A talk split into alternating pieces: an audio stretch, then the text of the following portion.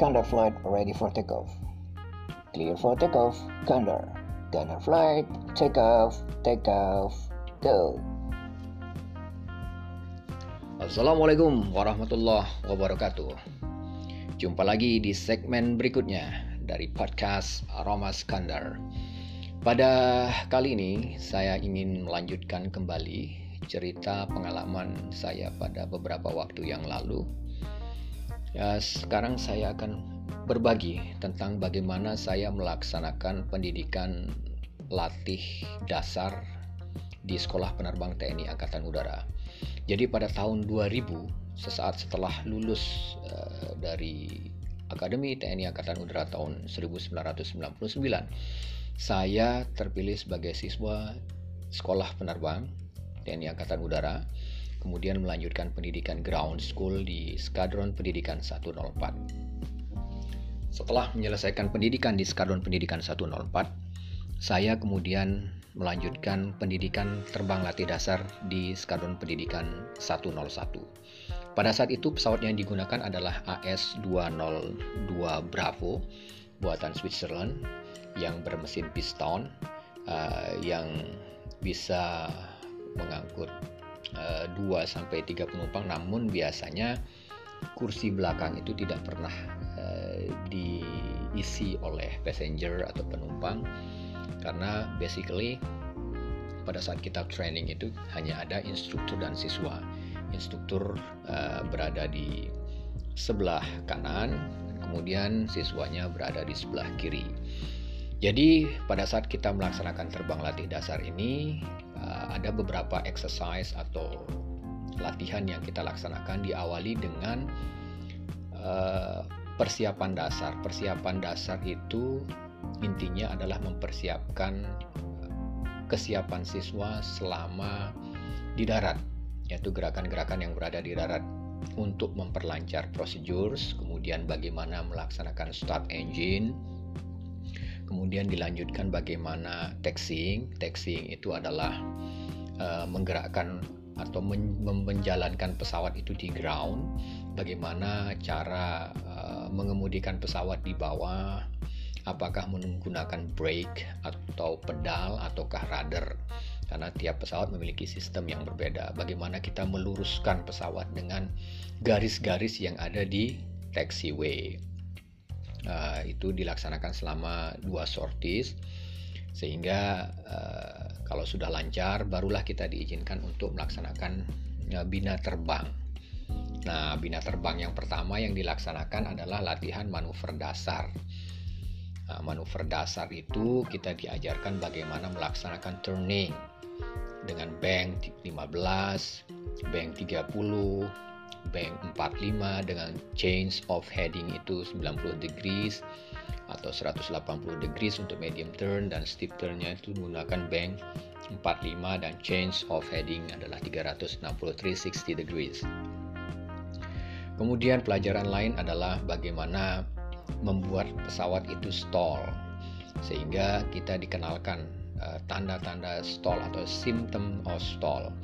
If we experience some kinds of indication in the aircraft misalnya pesawat itu berkurang speednya kemudian ada penambahan angle of attack kemudian diikuti oleh light buffet heavy buffet shaking dan akhirnya pesawat itu jatuh bebas kehilangan altitude. Kita harus bisa merecover untuk uh, bisa kembali terbang ke posisi normal.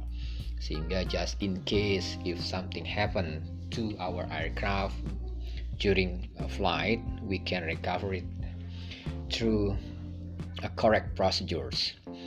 Setelah itu, kita juga diajarkan basic-basic manuver seperti membuat channels dan lazy it, yaitu menggerakkan uh, pesawat pada bidang uh, horizontal dan vertikal. Kita mulai bergerak pada pergerakan tiga dimensi kita diajarkan untuk mengenal dimensi ruang, mengenal checkpoint, kemudian mengenal rate, mengenal pressures, kemudian bagaimana kita mengaplikasikan procedures yang sudah ditetapkan menjadi suatu gerakan manuver pesawat yang sudah ditentukan sesuai dengan parameter dan prosedurnya.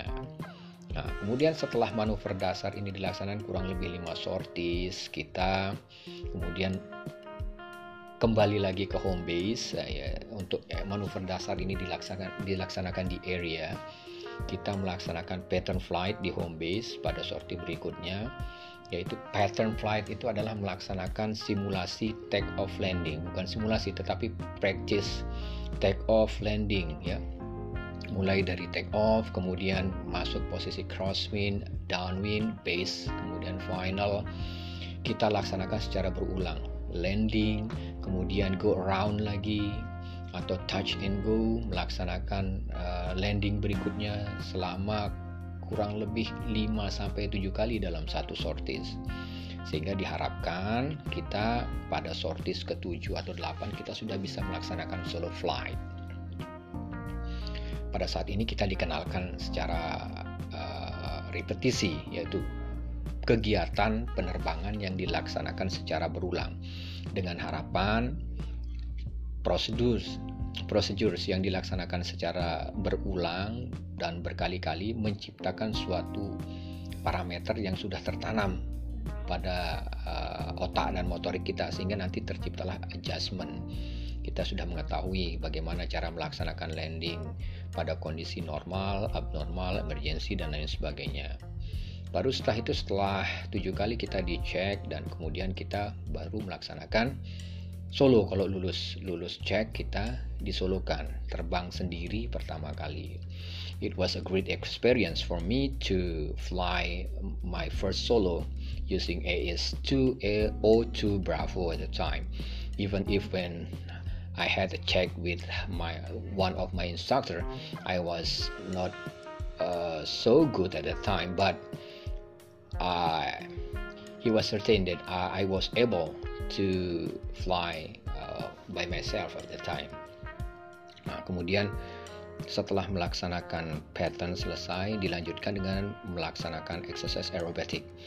Uh, kita melaksanakan aerobatic dengan uh, berbagai macam exercise. Ada yang namanya loop, Cuban eight, half Cuban, kemudian clover leaf, kemudian emailman, kemudian ada lagi yang namanya roll, ya barrel roll dan slow roll. Jadi basically kita dilatih bagaimana melaksanakan manuver vertikal yang berupa uh, tarikan atau pulling, kemudian ada juga yang bersifat berputar atau rolling.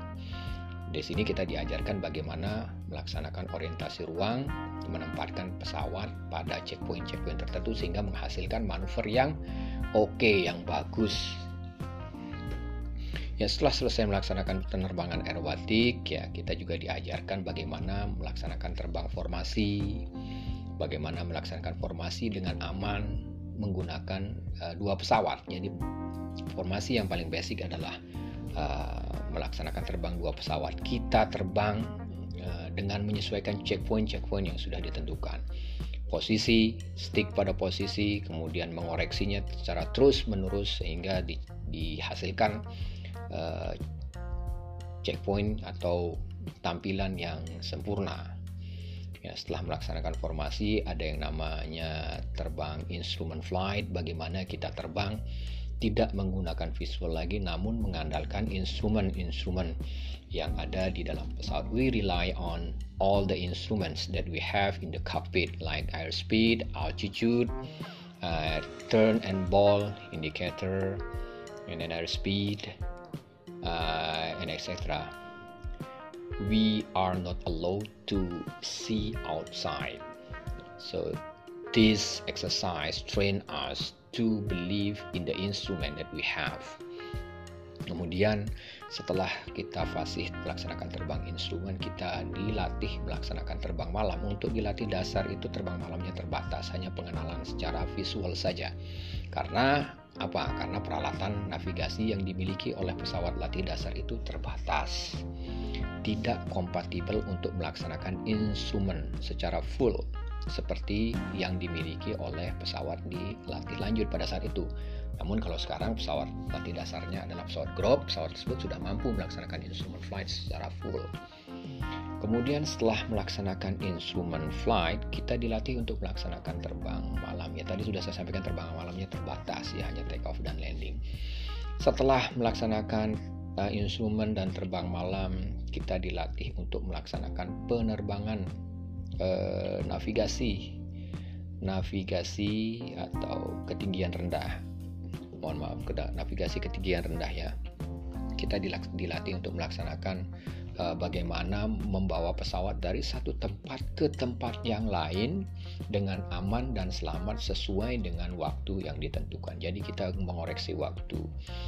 Misalnya kita take off jam 9 ya. Kita diminta untuk sampai di suatu target atau di suatu checkpoint di jam 10 ya. Bagaimana caranya kita mengatur penerbangan tersebut dengan mengatur kecepatannya dengan ketinggian tertentu yang telah ditetapkan ya speednya tertentu. Kemudian kita mengatur ya. Kita mengatur sampai di checkpoint tertentu itu di waktu yang telah ditentukan. Jadi yang kita atur adalah speed ya speed speed diatur dengan perubahan dari power. Kemudian setelah melaksanakan navigasi terbang rendah kita melaksanakan navigasi ketinggian sedang. Ya ketinggian sedang maksudnya ketinggian normal. Pada saat itu Bravo itu dioperasionalkan di ketinggian 3000 sampai 4000 feet. Ya kita melaksanakan navigasi. Dimulai dengan jarak yang pendek. Kalau dari Jogja itu ya mungkin ke Madiun itu jarak jarak pendeknya. Kita belajar bagaimana melaksanakan penerbangan pesawat dari satu tempat ke tempat lain melalui airnav route yang telah ditentukan. Ada visual flight route kita uh, mengeplot di peta garisnya, kemudian timingnya berapa, kemudian kita belajar bagaimana bernavigasi sehingga pesawat tersebut selalu on track dan kita bisa melaporkan posisi uh, pesawat kita kapan pun kita ditanya oleh tower. Di situ ada pembelajaran bagaimana caranya menghitung, bagaimana melaksanakan reporting uh, to the ATC, we have to prove to the ATC our uh, present position. Anytime uh, we are asked by ATC, we have to be able to explain or or to answer the correct position of our aircraft based on bearing range from uh, one uh, air navigation aid.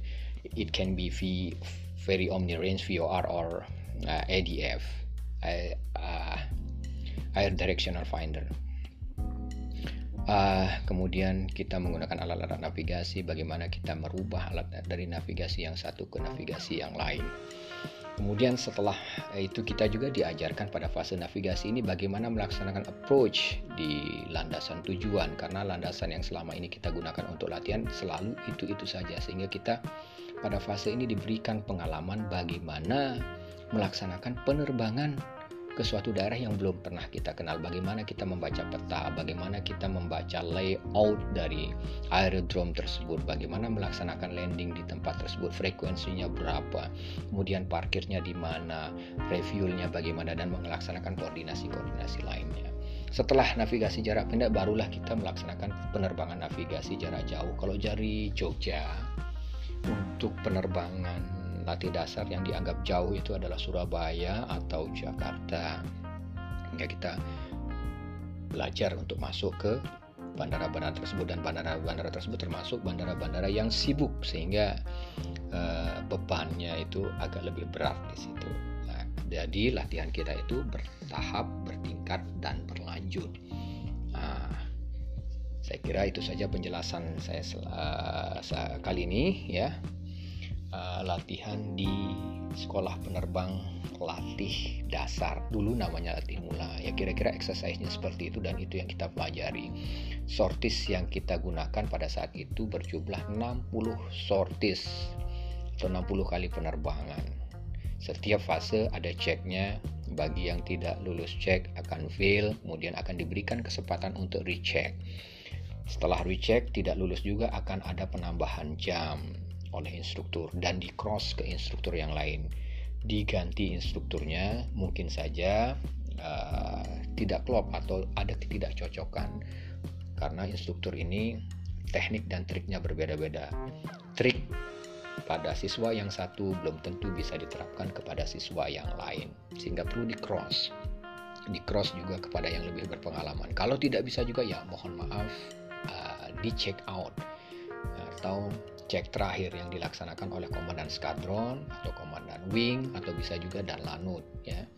Kalau tidak bisa lulus juga tidak tidak bisa menunjukkan performa minimum yang safe maka mohon maaf siswa tersebut di grounded dari sekolah penerbang dan harus uh, mengulang.